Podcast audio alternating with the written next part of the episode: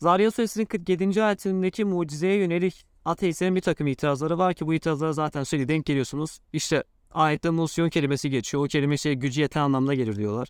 Veya işte ayette zamir yok diyorlar vesaire vesaire pek çok itirazda bulunuyorlar. Yakup Derez olsun, Doruk'taki arkadaş olsun, Diamond olsun, din ve mitoloji olsun buna benzer pek çok ateist kanal ve siteler bu ayette mucize olmadığını ve mucizeye yönelik bir takım itirazlar olduğunu söylüyorlar. Bu, bu videoda biz de zaten bu itirazların hepsini inceleyeceğiz inşallah. Fazla uzatmadan biz hemen konuya girelim. Zarya Suresinin 47. ayetteki mucizeyi zaten siz biliyorsunuz ki bilmeyenler için kısaca belirteyim. Ayette şu şekilde bir meal veriliyor Zarya Suresinin 47. ayetinde. Biz göğü bina ettik, şüphesiz biz genişleticileriz. Ve buradan da Kur'an-ı Kerim'e göre göğün genişlediğini ve bu da zaten evrenin genişlemesiyle bağdaştığı iddia ediliyor. Müslümanlar tarafından yani biz böyle bir iddiada bulunuyoruz. Kur'an-ı Kerim indiği dönemlerde evrenin genişlediği bilgisi yoktu. Fakat Kur'an-ı Kerim bunu ilk defa söyleyerekten bir Allah'ın kelamı olduğunu, bir mucize olduğunu gösteriyor. Kısaca iddiayı bu şekilde sunayım size. Ateistlerin ise buna bir takım itirazlar var arkadaşlar. Ben yaklaşık e, 12-13 tanesine kadar burada derledim. Aslında bulabildiğim hepsini derledim burada. Şimdi itirazlardan ilkini okuyorum size arkadaşlar. Bunu zaten birçok ateist makalesi paylaşmış. Bu makaleyi zaten istediğiniz bir ilahiyatçıya sorun. Hatta İmam Hatip öğrencisine sorun. Az çok Arapça bilen bir tanesine sorun. Sadece gülüp geçeceği türden bir itiraz. Çünkü bir insan bu makale yazabilmesi için, bu makaledeki iddialarda bulunabilmesi için gerçekten Arapça bilgisinin hiç olmaması gerekiyor. Hatta yanlış bilmesi gerekiyor. Ya şu makale başına sonuna kadar her cümlesiyle yanlış. Hiç Arapça bilmeyen bir insan yazmış bu makaleye bakın şimdi. Makale ben size sadece belli bölümlerini okuyacağım. Hatalı olan kısımları zaten bu. Bakın diyor ki Nusiyon'un Vasiyon'un çoğulu olduğunun kanıtı yoktur diyor. Bu birinci hata. Devam edelim. Bu tahmini kabul edelim diyor. Böyle bir tahmin varmış da yani biz Müslümanlar Vasiyon kelimesinin çoğulu Musiyun demişiz gibi bir itirazda bulunmuş. Halbuki bizim böyle bir iddiamız yok.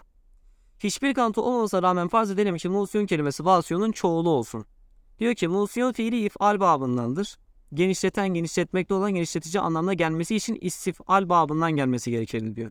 Genişletmekteyiz anlamında olması için ve nahnu lehu mustevsiun denmesi gerekirdi diyor. Yani hata bir değil, iki değil, üç değil tamamı hata bu makalenin. Şimdi bakın yani sırf bir Kur'an mucizesine itiraz edeceğiz diyerek saçmalamakta sınır tanımamışlar gerçekten. Bilmeyen adamlar da adam böyle birkaç tane Arapça kelime kullanıyor. İşte istifal kalıbı, fi ifal kalıbı, Arapça diyor, fiil diyor. Adam Arapça biliyor herhalde. Zannıyla her, bu, bu makalelere hak veriyorlar. Ama tamamen bu yanlış bir şey. Şimdi birincisi şu. Ayette diyor ki ve inne le musiyun. Musiyun kelimesi arkadaşlar aslında ifal kalıbındandır. Yani ifal kalıbı dediğim olay şu bilmeyen için şu şekilde anlatabilirim. Mesela çıktı normal kalıptır. Çıkarttı ise ifal kalıbıdır arkadaşlar. İfal kalıbı yani cümleye bir şey yaptı ise yaptırdığı anlamı verir. Gitti ise git, e, gitmesini sağladı anlamı verir. Genişledi ise ifal kalıbı genişletti anlamını verir. Vesa fiili genişledi. Elsa kelimesi ise yani ifal kalıbı olan elsa kelimesi ise genişletti. Bunun ismi fail formu yani işi yapan etken formu ise arkadaşlar musi kelimesidir. Musi da zaten sonuna yani tazim amacıyla yücelik amacıyla çoğul olaraktan geliyor ve biz genişletenleriz anlamına geliyor. Musyon kelimesi genişletenler demektir. Buradaki arkadaş diyor ki vasiyonun çoğulu olduğu iddia edilmiştir diyor. Halbuki öyle bir şey yok. Böyle bir iddiada bulunan Müslüman diyor ki varsa Arapça bilmiyordur. Vasiyon kelimesi musyon kelimeleri zaten birbirinden farklı şeyler. Vasi geniş olan demektir. Musi kelimesi ise genişleten demektir. İkisi ayrı şeyler.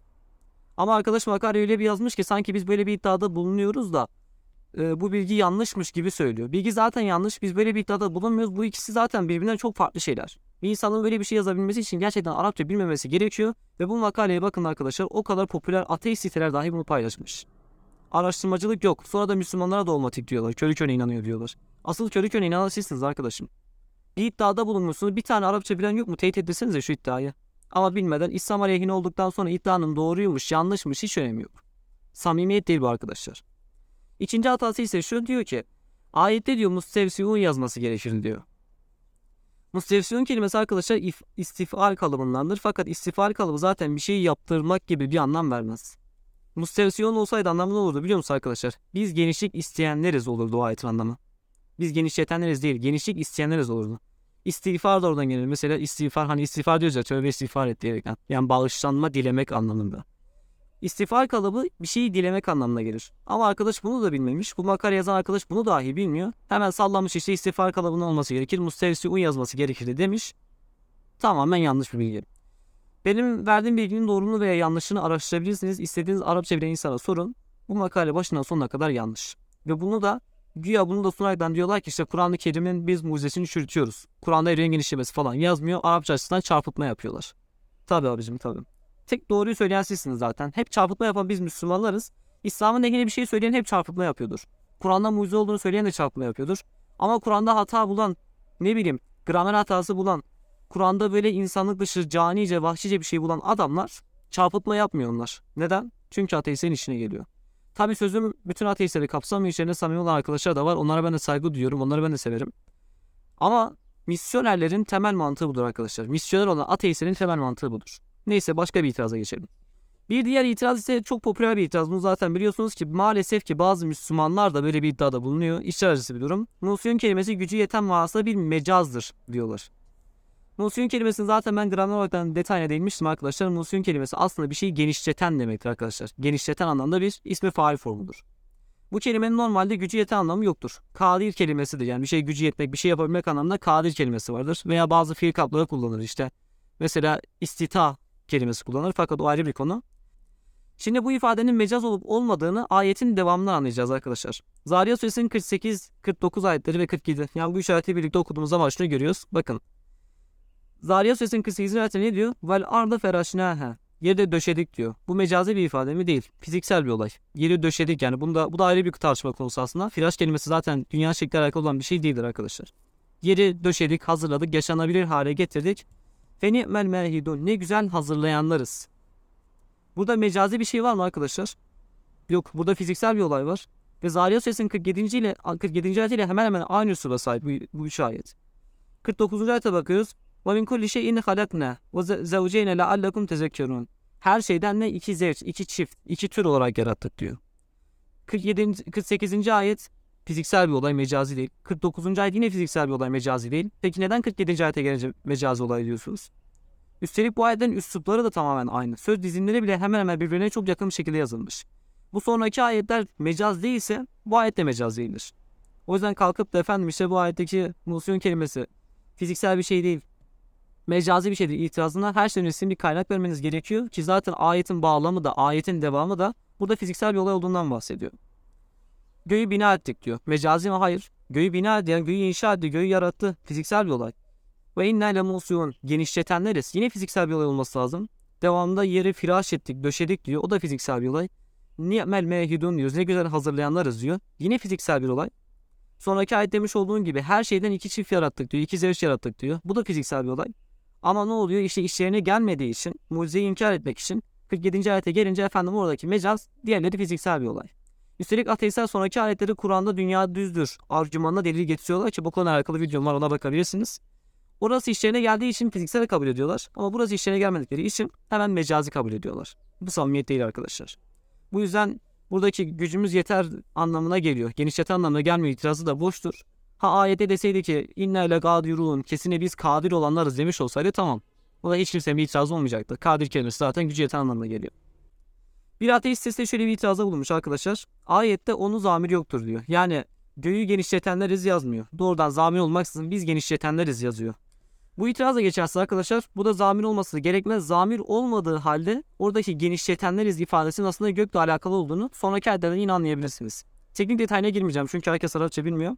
Bakın Zariyat 47. ayete bakalım. وَالسَّمَاءَ بَنَيْنَاهَا Ve göğe gelince beneynâhe onu bina ettik diyor. Zamir kullanmış. Bir eydin, bir el ile, bir güç ile. Ve inne lemusiyun. Lemusiyun demiş ya. Hemen sonraki ayete bakalım. Aynı üslup var arkadaşlar. Vel arda ve yere gelince. Bakın üsluba dikkat edin. Çok benzer. Feraşnâhe. Onu firaş ettik, döşedik. Feni'mel mehidun. Bakın. 47'de lemusiyun diyordu. 48'de ise mehidun diyor arkadaşlar. Şimdi buradaki mehidun derken hazırlayanlarız derken kastı ne oluyor arkadaşlar? Biz her şeyi hazırlayanlarız mı oluyor? Hayır. Burada mehidun kelimesi doğal olarak yere gidiyor. Yani biz yeri hazırlayanlarız, yeri mehdedenleriz diyor. Burada da zamir yok. Zamir olmasa bile biz burada zaten kastın yer olduğunu anlayabiliyoruz. Zaten Kur'an-ı Kerim başka bir yer için mehd kelimesini kullanıyor. Yerin mehd ettiğini anlatıyor Kur'an. Burada zamir olmadığı halde ni'mel mehidun derken kastın yer olduğunu anlıyorsak Zariyat 47. ayetteki de musiyun kelimesi zamir olmasa bile kastın yok olduğu anlaşılıyor. Çünkü devam eden ayette de aynı üslup var. Devam eden ayette de zamir yok. Ha zamir niye yok derseniz bunun zamir olmasına gere gerek yoktur arkadaşlar. Kur'an-ı Kerim'de zaten pek çok ayet var ki siz bunları zaten meal üzerinden asla göremezsiniz. karşınıza böyle bir tane karşılaşmalı Kur'an alıp da işte kelime kelime çeviren Kur'an meallerini alırsanız yine anlayamazsınız. Çünkü Kur'an-ı Kerim'de o kadar çok böyle zamir olmadığı halde zamire bağlı olan ifadeler var ki buna zaten hazıf deniyor. Kerim'de pek çok ayet var bu şekilde. İlla ki zamir olması gerekmiyor. Buradaki hazıfla ilgili hatta bir fiil örneğini size vereyim arkadaşlar. Kur'an'da zaten pek çok örnek var. Mesela mu'ridun kelimesi vardır arkadaşlar. Mu'rid. Mu'rid kelimesi normalde yüz çevirenler anlamına gelir. Fakat mu'rid kelimesi her zaman için an harfiyle birlikte kullanıldığı zaman yüz çeviren anlamına gelir. Yoksa yüz çeviren anlamına gelmez. Fakat Kur'an-ı Kerim'de bakıyoruz ki o kadar ayette mu'rid kelimesi var. Ve bu kelime an harfi olmadan kullanılıyor. Neden? Çünkü hazıf var. Ve okuyucu tarafından anlaşıldığı için bu ifade metinden hasfediliyor. Zariyat suresinin 47 ile 48. ayetlerinde bulunan o iki ifadenin sonlarında zamir olmasa da okuyucu tarafından anlaşıldığı için tekrar tekrar yazılması gereği duyulmuyor arkadaşlar. Bu yüzden bu itiraz da geçersizdir. Bir başka itiraza geçelim.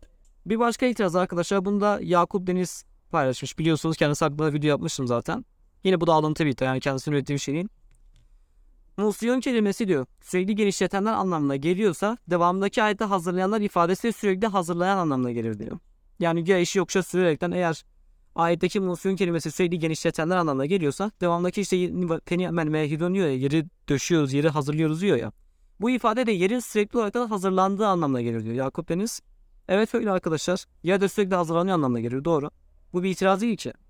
Ya sonuçta dünya stabil bir şey değil. Dünya halen dönüyor, dünya halen çalışıyor. Yani toprağa baktığımız zaman, doğaya baktığımız zaman halen bir çalışkanlık var. Halen bir hazırlama görüyoruz. Allah dünyayı biliyorsun zaten bununla alakalı ayetler var. Bir döngü var. Bu döngü zaten hazırlık demektir. Toprağa tohum ekiyoruz. O ektiğimiz tohum ağaç olarak dünyaya çıkıyor. İnsan doğuyor, büyüyor, ölüyor. Toprağa karışıp başka bir canlı olarak dünyada tekrar element olarak hayat buluyor. Yani bir döngü var, sürekli bir hazırlık var. Yani dünya öyle stabil bir şey değil ki. Dünya sürekli hazırlanma aşamasında aslında. Yani dünyaya stabil bir şey olsaydı ne bileyim örnek vereyim ağaçlar sabit. Hava durumu sabit, mevsimler sabit, her şey sabit olsaydı tamam. O halde Allah bir kere hazırlamış bitmiş diyebilirdik. Ama dünyadaki hazırlama yani o mehd, hazırlama dediğimiz olay halen devam ediyor. Bu yüzden kalkıp da böyle bir itirazı sunmak gerçekten boş bir şey işi yokuşa sürmek gibi bir şey olmuş bu. Bu yüzden işte efendim orada genişletenler ifadesi devamlı genişletenler anlamında ise buradaki hazırlayanlar ifade, ifadesi sürekli hazırlayanlar anlamındadır diye bir şey yoksa sürerek bu muziği inkar etmek tamamen boş bir itiraz arkadaşlar. Evet diyorum. Evet. Göğün genişlemesi sürekli devam ediyorsa dünya hazırlanması da devam ediyordur. Doğru. Buna bir problem yok. Yani çok boş bir itiraz olmuş. Daha doğrusu yüzeysel bir itiraz olmuş. Başka bir itiraz geçelim arkadaşlar. Bir diğer itiraz sema kelimesi aslında gökyüzü anlamındadır. Uzay anlamında değildir. Yani Kur'an biz aslında gökyüzünü genişletiyoruz demiş. Uzayı genişletiyoruz falan dememiş diyor. Şimdi bugün biz yani bugünün 21. yüzyılı insan olaraktan diyoruz ki işte gökyüzü, atmosfer, galaksi, evren bu şekilde ayrımları yapanlar biziz arkadaşlar. Ancak Kur'an-ı Kerim 1400 yıl önceki insanın diline göre, onun anlayışına göre inmiş bir kitaptır. Sadece ona hitap etmiştir demiyorum. Ama Kur'an'ın üslubu o insanların anlayışına göredir arkadaşlar. Arapçada arkadaşlar sema kelimesi yerden yukarıda olan her şey için kullanılır. Yani adam ayak bastığı yere arz diyor, toprak diyor. Ondan yukarıda olan her şey ise sema diyor. Bakın dikkat edin. Sadece gökyüzüne sema demiyor. Yağan yağmura bakın kaynakta vereceğim onu Kurtubi'de okuyun arkadaşlar. Kurtubi özellikle veriyorum ki bu adamın yaşadığı çağa bakın arkadaşlar. Kurtubi bununla ilgili zaten kaynak çok veriyor. Sema kelimesi yerden yukarıda olan her şey için kullanılıyor. Yağmura sema deniliyor. Bitkiye yerden yukarıda olması mantığıyla sema deniyor. Göğe de sema deniyor. Buluta da sema deniyor. Hatta evin çatısına, atın sırtına bile sema deniyor. Neden? Çünkü yerden yukarıda. Çünkü Arap burada sema derken yerden yukarısını kastediyor. Doğal olarak da şimdi sema dediği zaman bunu anlayış olarak ben evren de diyebilirim. Yağmur da diyebilirim. Başka bir şey de diyebilirim. Çünkü üslup buna müsait. Ha ama ayetin devamına falan bakacak olursanız yani yerin döşenmesine, yerin hazırlamasına bakacak olursanız devam eden ayetlere buradaki semadan kasıt kesinlikle bir yağmur veya bulut veya gökyüzü olamaz. Yerden yukarısı olarak anlaşılması gerekiyor. Umarım mantığı anlamışsınızdır çünkü yerden yukarıdaki olan her şeyi kastediyor. Yani bütün evreni. Bütün evren genişliyor diyor. Zaten yer genişliyor deseydi bu biraz tuhaf olurdu. Ama ayete dikkat ederseniz doğrudan yerden yukarısı diyor genişliyor diyor. Motomla çevirmemiz gerekirse ayet anlamış olur. Biz yerden yukarısı, binaate şüphesiz biz yerden yukarısını genişletenleriz anlamına geliyor. Şimdi sema kelimesinin yağmur manası var falan dedim. Diyebilirsiniz ki peki Kur'an'da bunun kullanıldığını nereden bileceğiz? Derseniz çok basit bir ayet örnek vereyim. Enal suresinin 6. ayetine bakın. Ayette ne diyor? Ve ersenne sema aleyhim midrara semayı diyor onların üzerine midrar olarak gönderirdik. Midrar yani bol bol gönderirdik diyor. Hani sema insanların üzerine nasıl gelebilir arkadaşlar? Doğal olarak da burada sema kelimesi bakın yağmur manasında kullanılıyor. Yağmur. O yüzden sema kelimesinden kasıt gökyüzü demektir itirazı da tamamen bilgisizlik kaynaklı bir itirazdır. Normalde bunu ele almaya da gerek yoktu da bazı bilmeyen arkadaşa itibar ed- edebileceği için ben buna değinmek istedim kısaca. Yani özetlemem gerekirse sema kelimesi burada evren anlamına geliyor. O dönem insanı yerden yukarıda olan her şey sema dediği için burada efendim semadan kasıt gökyüzü uzay demek değil falan itirazı boş. Çünkü iki ayet bütün olarak baktığımız zaman zaten bütün evreni kastediyor. Ne, ne diyor mesela 48. ayette? Yeri diyor. Yerden kasıt ne belli bir bölgeyi mi? Hayır. Bütün yeri yani bütün dünyayı döşedik. Sema da doğal olaraktan yer bütün dünya ise sema da kasıt bütün evren, bütün uzay olması gerekiyor. Ayrıca arkadaşlar sema kelimesinin bütün uzayı kastettiği ile alakalı bir ayet de var arkadaşlar. Nuh Suresi 15-16 ayetlerinde güneş ve ayın 7 semanın içerisinde bulunan bahsediyor Kur'an. Doğal olarak burada ne anlamamız gerekiyor? Kur'an-ı Kerim güneş ve ayın bulunduğu noktaya da sema diyormuş demek. Bu bile aslında bu itirazı çürütmek için gayet yeterli. Hatta artar bile arkadaşlar. Devam edelim başka bir itirazına geçelim şimdi. Bir diğer itiraz arkadaşlar bunu zaten Doruk'taki arkadaş yapmış. Biliyorsunuz kendisine bayağı bir reddi yapmışım. Reddiyle zaten dönüş yapmıyor artık. Adı da işte ben ciddiye almıyorum. İşte prim vermek istemiyorum havasıyla geçiştirmeye çalışıyor ama dürüst insanlar, dürüst insanlar bakın dürüst Müslümanlar falan demiyorum. Dürüst insanlar diyorum. Ateiste de kapsamlı alıyorum. Dürüst her insan zaten o arkadaşın yalan söylediğini, çarpma yaptığını görüyor. O verdiğim kayıtlara bakan her insan da o arkadaşın zaten çarpma yaptığını görecektir. Kendisi diyor ki Kur'an'a göre gök diyor kırılan parça parça olabilen bir şeydir. Yani Kur'an aslında göğü genişletiyoruz derken böyle işte bir cam tabaka gibi düşünün arkadaşlar. Bu, bu kırılabilen, dökülebilen cam tabakasının diyor genişlediğini söyler diyor. Bunda zaten evrenle hiçbir alakası yoktur diyor. Ve Kur'an'a diyor uzay kelimesi geçmez diyor. Doğru. Çünkü Kur'an indiği zaman da feza yani uzay kelimesi yoktu. Ama Nuh Suresinin 15-16. ayetlerine zaten örnek vermiştim. Kur'an-ı Kerim güneş ve ayın bulunduğu noktaya yani uzaya da sema kelimesini kullanıyor. Sema ile ilgili ben zaten kaynak vermiştim ama önceki başlığa bakabilirsiniz tekrardan. Şimdi kendisinin vermiş olduğu ayetlerden birkaç tane örnek vereceğim. Zaten hepsinde hemen hemen aynı mantık var. İsra suresinin 92. ayetinde orada işte peygamberden bir mucize isteniyor. İşte müşriklerin bir sözü anlatıyor. Orada diyor ki ev veya tufkite sema semayı düşürmen gerekir. Sak, sukut yani düşmek demektir. Keme zeante iddia etmiş olduğun gibi aleyhine iki sefen. Burada kendisi diyor ki iki sefen parçalar halinde. Yani Kur'an-ı Kerim göğü aslında diyor böyle cam bir tabaka olarak görmüş ve göğü parça parça böyle kırık cam parçaları gibi üzerinde düşürmen gerekirdi demişlerdir. Diyor ki bu da yine kendisinin yanlış bilgisine dayanıyor. Çünkü ayet öyle kırık parçalar şeklinde bazı meallerde çevrildiği gibi orada kırık parçalar anlamı verilen kisefen kelimesi var arkadaşlar. Kisif. Kisif sözlükten de bakabilirsiniz. Normalde yumuşak parçalar haline gelir. Anlamına gelir. Sözlüğe bakabilirsiniz. Kisefen kelimesi yumuşak parçalar haline gelir. Yumuşak parçalar. Yani kendisi iddia etmiş olduğu gibi Kur'an öyle göğü bir cam tabaka falan olarak değerlendirmiyor. Doğrudan onu yumuşak bir parça olarak değerlendiriyor. Gaz gaz bulutu gibi. Hatta zaten yanlış hatırlamıyorsam sözlükte e, pamuk gibi yumuşak maddeler için kullanıldığı söylüyor kisefen kelimesinin. Aslında bu kisefen kelimesi anlamını bildikten sonra kendisinin iddiasının çöktüğünü anlayabilirsiniz. Diğer vermiş olduğu örnek ayetlerde zaten hemen hemen aynı mantık var. Kendisi yani zorlama yaparak güya Kur'an-ı Kerim'e göre gök sabit bir şeydir. Böyle camdan bir şeydir. O da kırılabilen bir şeydir demeye getiriyor ya. Zaten sadece buradaki ifadeden bile yani göğün böyle iki sefen tarif edilmesi sebebiyle bile kendisinin bu iddiasının çöktüğünü anlayabilirsiniz. Kendisi birkaç tane daha ayete değindi. Hepsi aynı mantık olduğu için değinmiyorum. Ama yine bir iki tanesine değinmeden geçmeyeceğim. Enbiya 104. ayette de zaten biliyorsun bu Kur'an'da bir mucize olarak sunulur. Ayette diyor. Göğü diyor kitabın sayfalarını dürüye gibi düreceğimiz günü an diyor. Ve bunu bilimsel bir hata olarak sunmuş kendisi. Aslında bilimsel bir hata değil. Evren Einstein'ın özel görelilik kuramına göre arkadaşlar zaten dümdüzdür. Kağıt gibi dümdüzdür. Böyle bir hani ilk bakışta oval bir şey zannediyoruz ya.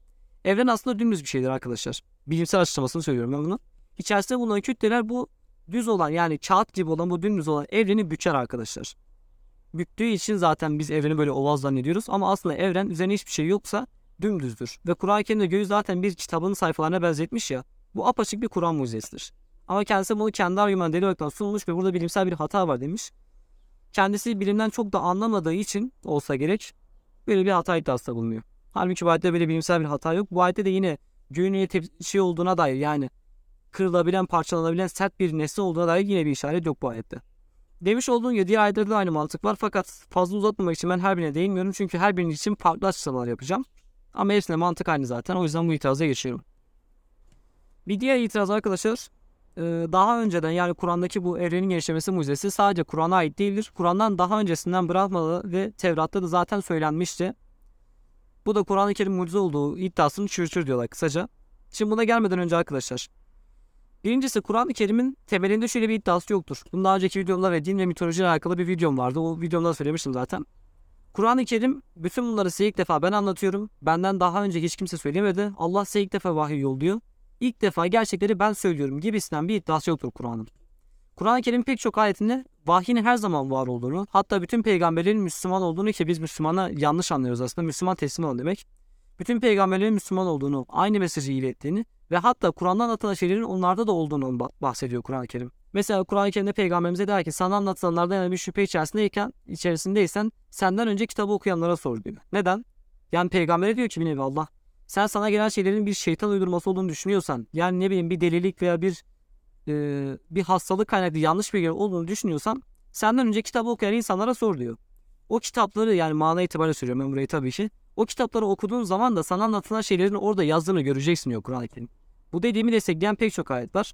Hatta Ala Suresinde ne diyor? Şüphesiz bu diyor öncekilerin suhuflarında, öncekilerin sayfalarında da vardır diyor. Bu yüzden Kur'an-ı Kerim'de anlatılan şeylerin zaten önceki inançlarda, önceki kitaplarda zaten var olması gerekiyor. Tevrat'ta da olur, Brahma'da da olur ve hatta mitolojilerde bile olur. Bununla alakalı video yapmıştım zaten. Enbiya Suresi 30. ayeti benzer üsluplarla daha önceki eski inançlarda, mitolojilerde bile zaten varlığını koruyor. Allah her dönem vahiy yollamış ki benzer ifadeleri her zaman görmemiz gerekiyor. Bu yüzden Tevrat'ta devrenin genişlemesinin yazması gayet olağan bir durum ki hatta bu zaten bizim için bir sorun değil. Bunu her zaman söylüyorum. Bu ateistler için bir problem. Ya sonuçta Tevrat'ı da, İncil'i de, Kur'an'da da, Zebur'u da yani bütün kutsal metinleri, kutsal inançları zaten insanlar uydurmadı mı ateistlere göre? Bunlar, ate bunlar insan uydurması ise bu adamlar nasıl evrenin genişlediğini bildiler. Nasıl evrenin genişlediğini kitaplar yazabildiler. Ateistlerin her şey önce bulaşmaması gerekiyor. Tabi bize şöyle bir iddia sunuluyor. O zaman bu diyor Kur'an-ı Kerim'in alıntı yaptığını, Kur'an-ı Kerim'in Tevrat'tan araklama yaptığını ve bu da asıl mucizenin aslında Tevrat'ta olduğunu gösteriyor diyorlar. Fakat bu da yanlış arkadaşlar. Şimdi bir şeyin alıntı olabilmesi için tamamıyla aynı ifadeleri kullanması gerekir. Tevrat'ta ve Kur'an'da zaten diller de zaten birbirlerine çok yakın diller. Arapça ve İbranice bazı kelimeleri ortak olarak kullanır. Tevrat'ta yazılan ifade ile Kur'an'da yazılan ifade aslında aynı şeyler değil. Tevrat yine evrenin genişlemesini kastediyor olabilir. Ben orasını bilmiyorum. İbranice çok hakim değilim. Fakat gördüğüm kadarıyla Tevrat'ta gelen anlamda bir ifade kullanıyor. Tevrat diyor ki göğü gerdi. Kur'an diyor ki göğü genişleten. Bu ikisi aynı şeyler değil. Aynı şeyler olmadığını nereden anlıyoruz biliyor musunuz? Bizim müfessirler yani Kur'an'ı yorumlayan insanlar, ilk dönemci Müslümanlar Kur'an'ı yorumlarken buradaki genişleten ifadesini Fahrettin Nazı gibi bazıları ya olduğu gibi göğü genişletiyoruz olarak anlıyorlar veya da işte gücümüz yeter anlamda genişlik sahibiyiz olarak anlıyorlar. Mecaza uğruyorlar. Fakat Tevrat'a gelince Tevrat'ın tefsiri yani Tevrat'ın yorumcuları ise bu ifadeyi yani tabi eskilerden ben evreni genişletiyoruz diye yorumlayan denk gelmedim ama şöyle yorumluyorlar. Çadırı germek olarak yorumluyorlar.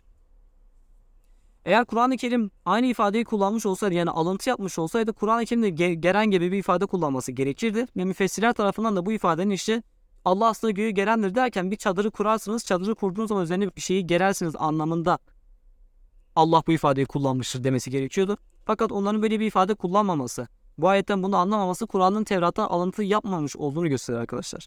Yani o yüzden böyle alıntı yapıldı iddiası falan gerçekten çok boş bir iddia, boş bir itiraz arkadaşlar ki şöyle bir durum var. Kur'an-ı Kerim zaten Tevrat'tan her şeyi neden alıntı yapmıyor? Mesela yaratılış bölümündeki anlatan senaryoya bakın arkadaşlar. Yine Tevrat'ta hata vardır demiyorum. Mesela Tevrat'ta anlatan yaratılış senaryosuna bakın arkadaşlar. İlk bölümde zaten bir yaratılış senaryosu vardır. Kur'an-ı Kerim aynı senaryoyu kullanmıyor. Kur'an-ı Kerim daha ince detaylarla Fusya Suresinin 9 ve 12 ayetlerine bakabilirsiniz. Daha ince detaylarla bilime tam nokta atışı isabetli bir şekilde evrenin yaratılışını anlatıyor. Neden Kur'an-ı Kerim oradaki alıntı yapmadı? Neden Kur'an-ı Kerim oradaki yaratılış senaryosu olduğu gibi almadı? Bir adam bir kaynaktan alıntı yapıyorsa tamamını alması gerekmiyor mu? Mesela bir örnek daha vereyim. Tevrat'ta güneş ve ayın ayrımına pek fazla girilmez arkadaşlar. Yani Kur'an-ı Kerim ise güneş ve ay hakkında önemli bir detaya girer. Mesela Kur'an-ı Kerim güneşin bir siraç olduğunu, ayın ise nur olduğunu bahseder. Ve tefsirler derler ki arkadaşlar nur dolaylı ışık, siraç ise doğrudan ışık derler. Tefsirler. Beydavi'de geçer bakın en eski tefsirlerden. Bunun kaynağını veriyorum size oradan bakabilirsiniz. Mesela Tevrat'ta güneş ve ay için böyle çok ciddi bir ayrıma girilmezken Kur'an-ı Kerim güneş ve ay hakkında çok önemli bir ayrıma girmiş. Çünkü biliyoruz ki güneş ve ay iki tane ışık kaynağı değildir. Ay güneşten aldığı ışığı yansıtır ve Kur'an-ı Kerim bu yüzden aya nur demiştir. Dolaylı ışık demiştir yani. Kur'an-ı Kerim eğer Zariyat 47. ayet Tevrat'ta alıntı yaptıysa neden bunu alıntı yapmadı? Neden bu noktada Tevrat'ta olduğu gibi anladı da kendisi ilave yaparak ekledi? Bu da bir problem yani. Ayrıca şey bir durum var arkadaşlar. Kur'an-ı Kerim'in her türlü mucizesine yönelik, her türlü iddiasına yönelik ateistler zaten diyorlar ki işte bu şunda yazıyordu, bu bunda yazıyor diyorlar. Örnek veriyorum. Sallıyorum ben burada. Örnek veriyorum Kur'an A konusunda Yunan'dan alıntı yap diyorlar. B konusunda Tevrat'tan alıntı yaptı. C konusunda Hinduizm'den alıntı yaptı. D konusunda başka başka kaynaklardan alıntı yaptı. Mitolojiden alıntı yaptı vesaire vesaire. Ya şimdi şöyle bir durum var. Kur'an-ı Kerim'in elinde Yunan mı doğru, Sümer mi doğru, Tevrat mı doğru gibisinden bu bilgileri doğrulayacak herhangi bir kaynak yok. Elinde bir cetvel bir ölçü yok yani. Bu iddiaların doğruluğunu ispatlayacak herhangi bir şey yokken yanlış bilgiler arasında sadece doğru bilgileri seçmesi bile Kur'an'ın bir mucizesidir arkadaşlar. Bu yüzden efendim evrenin genişlemesi Tevrat'ta yazıyormuş. Kur'an oradan alıntı yaptı. İşte efendim insan oluşumu döneminde falanca inançlarda bulunuyormuş. Kur'an oradan alıntı yaptı gibisinden itirazlar tamamen demagojiden ibaret arkadaşlar. Yine başka bir itiraz din ve mitoloji sayfası yapmış yine bu itirazı da. Adem Suresinin 133. ayetinde verilen mealler aşağı yukarı şu şekilde genişliği gökler ve yer arası kadar olan cennete koşun. Böyle bir ifade var Adem 133. ayette. Din ve mitoloji demiş ki evren genişliyorsa cennetin genişliğinin böyle sabit ölçülerle verilmemesi gerekiyor. Yani diyor ki Kur'an eğer Kur'an'a göre evren genişliyorsa cennetin de böyle gökler ve yer arası kadar olan diyerek sabit bir ölçünün verilmemiş olması gerekiyordu. Demiş ve böyle bir itirazda bulunmuş. Aslında bu itiraz da geçersiz çünkü hem bir mealde yanı bir problem var oraya geleceğim ama her şeyden önce şey bir durum var. Bu ayette gökler ve yer kadar diyor bakın gökler ve yer. İkisi kullanılmışken Zariyat 47. ayette sadece gök diyor. Yani gökler ve yer bir bütün olarak Kur'an-ı Kerim'de başka bir şey kasteder. Gök derken başka bir şey kasteder. Sadece bu ifade ayrımı bile aslında bu itirazın temelinin zayıf olduğunu gösterir ki ikincisi şudur arkadaşlar. Ayette arada kelimesi kullanılıyor. Arada normalde şey genişliği anlamı verilmiş ya. Arada kelimesinin başka başka yorumları da var. Mesela Ragıp İsfahane sözünde der ki bu kelimenin değer anlamında olduğu söylenmiş. Yani ayete şu şekilde bir mana veriyor. Değeri göçler ve yer kadar olan cennete koşun. Yani bütün kainat kadar, bütün evren kadar değeri olan cennetlere koşun anlamı veriyor. Ve devamında şey bir ifadede bulunmuş. Demiş ki bu ayete göre cennetin sürekli genişlemiş olması gerekiyor fakat İslami kaynaklarda böyle bir bilgi yok diyor. Şimdi birincisi İslami kaynaklarda her türlü bilginin olması gerekmiyor. Çünkü her müfessir kendi yaşamış olduğu dönemin bilgisine sahiptir. Yani o yüzden İslami kaynaklarda böyle bir bilgi yoktur. O halde evrende cennetin genişliyor olmaması gerekir gibisinden bir itirazla geçersiz şöyle bir durum var. Hadi düz mantık giderim arkadaşlar. Diyelim ki Kur'an'a göre evren genişliyor. Kur'an cenneti de evrene örnek olarak vermiş. Evren gibi örnek vermiş. O halde de de sürekli olarak genişliyor olması gerekir itirazını düz mantık doğru kabul edelim. Evet bunda bir problem yok. Çünkü açılır kapanır evren modelini biliyorsanız ki bu modele göre evren zaten sürekli genişliyor ve ondan sonra içine çökecek. İçine çöktüğü zaman tekrar yeni, büyük bir patlamayla yeniden bir evren oluşacak. Bu mantığa göre yani şu anki yaşamış olduğumuz evren kıyamet günü çökecek, içine de çökecek, bitecek. Ondan sonra yeni bir evren başlayacak. Zaten de diyor gökleri ve yeri başka bir yer ve gök olarak değiştiririz diyor ya başka bir evrende hayat buluruz yani. Yeni var olan evrende de evren sürekli olarak genişlemeye devam edebilir. Yani açılır kapanır evren modeline göre sonraki oluşan evrende yani ahiret evreninde, cennet evreninde yine sürekli olarak genişlemeye devam edebilir arkadaşlar. Açılır kapanır evren modeli zaten bize bunu söylüyor. Görmüş olduğunuz gibi burada da yani evrenin genişlediği bilgisi yalanlayan herhangi bir şey yok. Arkadaş sadece işi yokuşa sürmeye çalışmış. Bir de şöyle bir örnek veriyor. Kendisi diyor ki bir şey ile bir şeyin arası kadar demek için iki şeyin sabit bir mesafesi olması gerekir diyor ki zaten mealde, meal kaynaklı bir şey var. O ayette zaten aslında arası diye bir ifade yok. Bakın motomot biz okuyalım ayeti. Ali İmran 133 Vesari'u ve koşun yarışın müsaradan geliyor. İlâ mağfiratin min rabbikum. Rabbinizden olan bir bağışlanmaya doğru koşun, yarışın. Ve cennetin ve cennete de koşun. Arduhe onun ardı demiştim az yani genişliği değeri anlamına geliyor. Arduhe onun değeri semavat vel art. Semavat vel art yani gökler ve yer kadardır diyor. Burada gökler ve yer arası kadar diye yani orada beyin ifadesi yok. Mesela diyebilirdi ki arduhe beyne semavati vel ardi deseydi tamam. O zaman arası bir ifade olurdu. Ama burada arası bir ifade yok. Arduhe kelimesi kullanılmış ki kaynak ben zaten Arduhe kelimesi kasıt genişlik değil diyor İslami sözlüğü. Bu diyor bolluk berekettir diyor. Değer anlamındadır diyor. Burada yani bu ayette de bazı olaraktan görmüş olduğunuz gibi evrenin genişlediği bilgisini yalanlayan bir şey yok. Devam edelim. Din ve mitoloji bir de şu şekilde bir örneği vermiş. Yani bu gerçekten işi yokuşa sürer türden bir itiraz. Yine Rad suresinin 8. ayetiyle Furkan suresinin 2. ayetini baz almış ve Kur'an-ı Kerim'e göre diyor, her şey bir ölçüyledir diyor.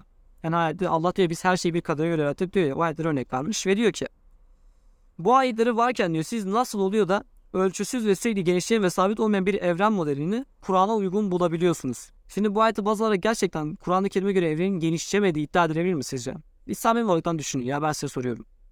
Kur'an-ı Kerim her şeyi ölçülü yarattık diyorsa bu bir şeylerin sabit olduğunu, stabil olduğu anlamına gelmiyor arkadaşlar. Doğaya bakın her şey bir döngü. İnsan doğuyor, büyüyor, ölüyor, döngü. Bir döngü var sürekli. Yaz geliyor, kış geliyor. Yani her şey bir döngü. Gece geliyor, gündüz geliyor. Her şey bir döngü halinde. Ve bu mantığa göre gece ve gündüzün ard arda gelmesi bir hata olması gerekmiyor mu? Hayır. Demek ki Kur'an-ı Kerim biz her şeyi bir ölçüyle yarattık ifadesi. Biz her şeyi bir sisteme göre yarattık anlamında. Biz her şeyi stabil yaptık. Her şeyi sabit yaptık, değişmez yaptık anlamında değilmiş demek ki arkadaşlar. Yani bu itiraz çok boş bir itiraz gerçekten açıkçası. Bu da bir şey çürütmüyor. Devam edelim. Bir başka itiraz.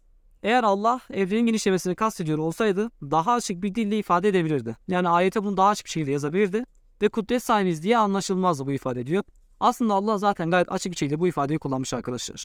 Allah orada diyebilirdi ki ve inneyle kadirun diyebilirdi. Biz her şeye kadiriz, her şeye gücümüz yetenleriz diyebilirdi.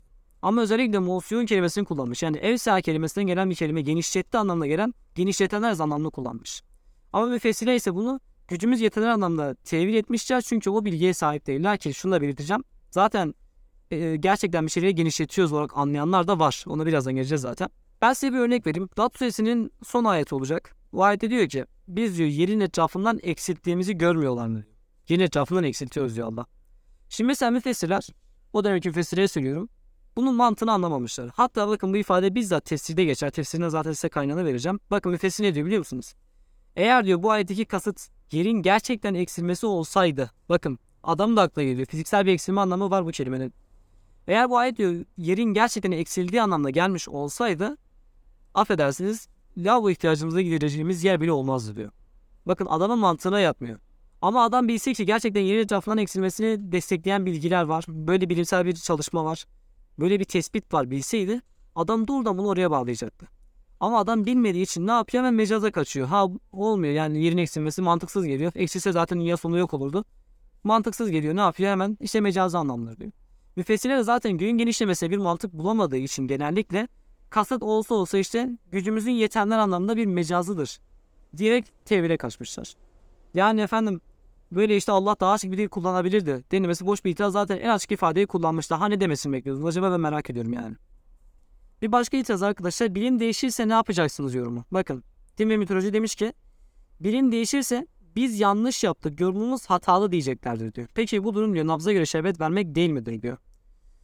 Şimdi arkadaşlar biz Müslümanlar yani en azından benim gibi düşünen Müslümanlar için söylüyorum. Biz Kur'an'da mucize olduğunu iddia ederken Kur'an ve bilim bağdaşıyor derken şunu söylüyoruz. Bu ayette anlatılan olay şu olayla bağdaşıyor. Bakın ayette kesinlikle bu anlatıyor demiyoruz. Örnek vereyim mesela Fussiye Suresinin 9 ve 12. ayetleri gezegenden oluşmuyor tamamen bağdaşıyor.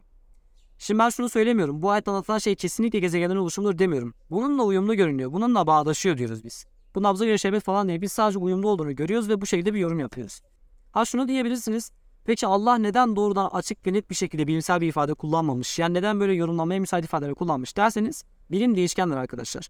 Örnek vereyim ve Fahrettin Razi var. Mesela o da çok akılcı bir Müslümandır ve kendisinin döneminde yine bilim var. Yani kendisi zaten bir fizikçi Müslümandır. Yani bilim insanı aslında. Razi kendisinin döneminde Batlamyus modelinin kabul edilmesi sebebiyle Kur'an ayetleri de buna göre yorumluyor. Şimdi örneğin Kur'an-ı Kerim demiş olsaydı ki güneş sabit değildir. Güneş de hareket eder, dünya da hareket eder, bütün gezegenlerin hepsi böyle hareket halindedir demiş olsaydı açık ve net bir şekilde Razi Kur'an-ı Kerim belki yalanlayacaktı. Neden? E çünkü adam diyor ki Allah'ın kitabı bakın bu tefsiri kendisi söylüyor zaten. Allah'ın kelamı bilimle çelişmez diyen bir tane birisi kendisi. Ve Kur'an-ı Kerim şimdi bilim sürekli değişken olduğu için sabit bir ifade kullanmış olsaydı, sabit bir bilgiyle bu budur demiş olsaydı tarihin belirli zamanlarında Kur'an-ı Kerim'in yalanlanmış olması gerekiyordu. İşte bu yüzden Kur'an-ı Kerim zaten yoruma açık bir ifade bırakıyor. Bu ayete gelecek olursak yani bilim değişirse ne yapacaksın sorusuna gelecek olursak tekrardan arkadaşlar. Alimran Suresi 7. ayet Allah diyor ki bu kitabın bir kısmı ayetleri müteşabihtir. Bunun anlamına ancak Allah ve ilimde derinleşenler verir diyor. Alimran Suresi 7. ayeti. Yani bu nabza göre şerbet değildir arkadaşlar. Kur'an-ı Kerim zaten bu, bu ayetlerin müteşabih olduğunu söylüyor. Hüküm içermeyen işte Allah'a ibadet et, Allah'a şirk koşma, ana babaya iyilik, yoksa yetime bakma, zekatı verme gibisinden ayetler müstesna. Böyle yaratılış olur, elif lamim olur. Buna benzer ayetler ise müteşabihtir arkadaşlar. Müteşabih ayetler olduğu için biz zaten bunun hakkında sadece yorum yapıyoruz. Bu nabza göre şerbet falan değildir. Kur'an açıkça bunu yazıyor demiyoruz zaten biz. Kur'an-ı Kerim bununla bağdaşıyor diyoruz. Ve son olarak arkadaşlar en popüler itiraz bunu en son aldım çünkü herkes biliyor diye yani farklı bir şey söylemek amacı yapmıştım bu videoyu da.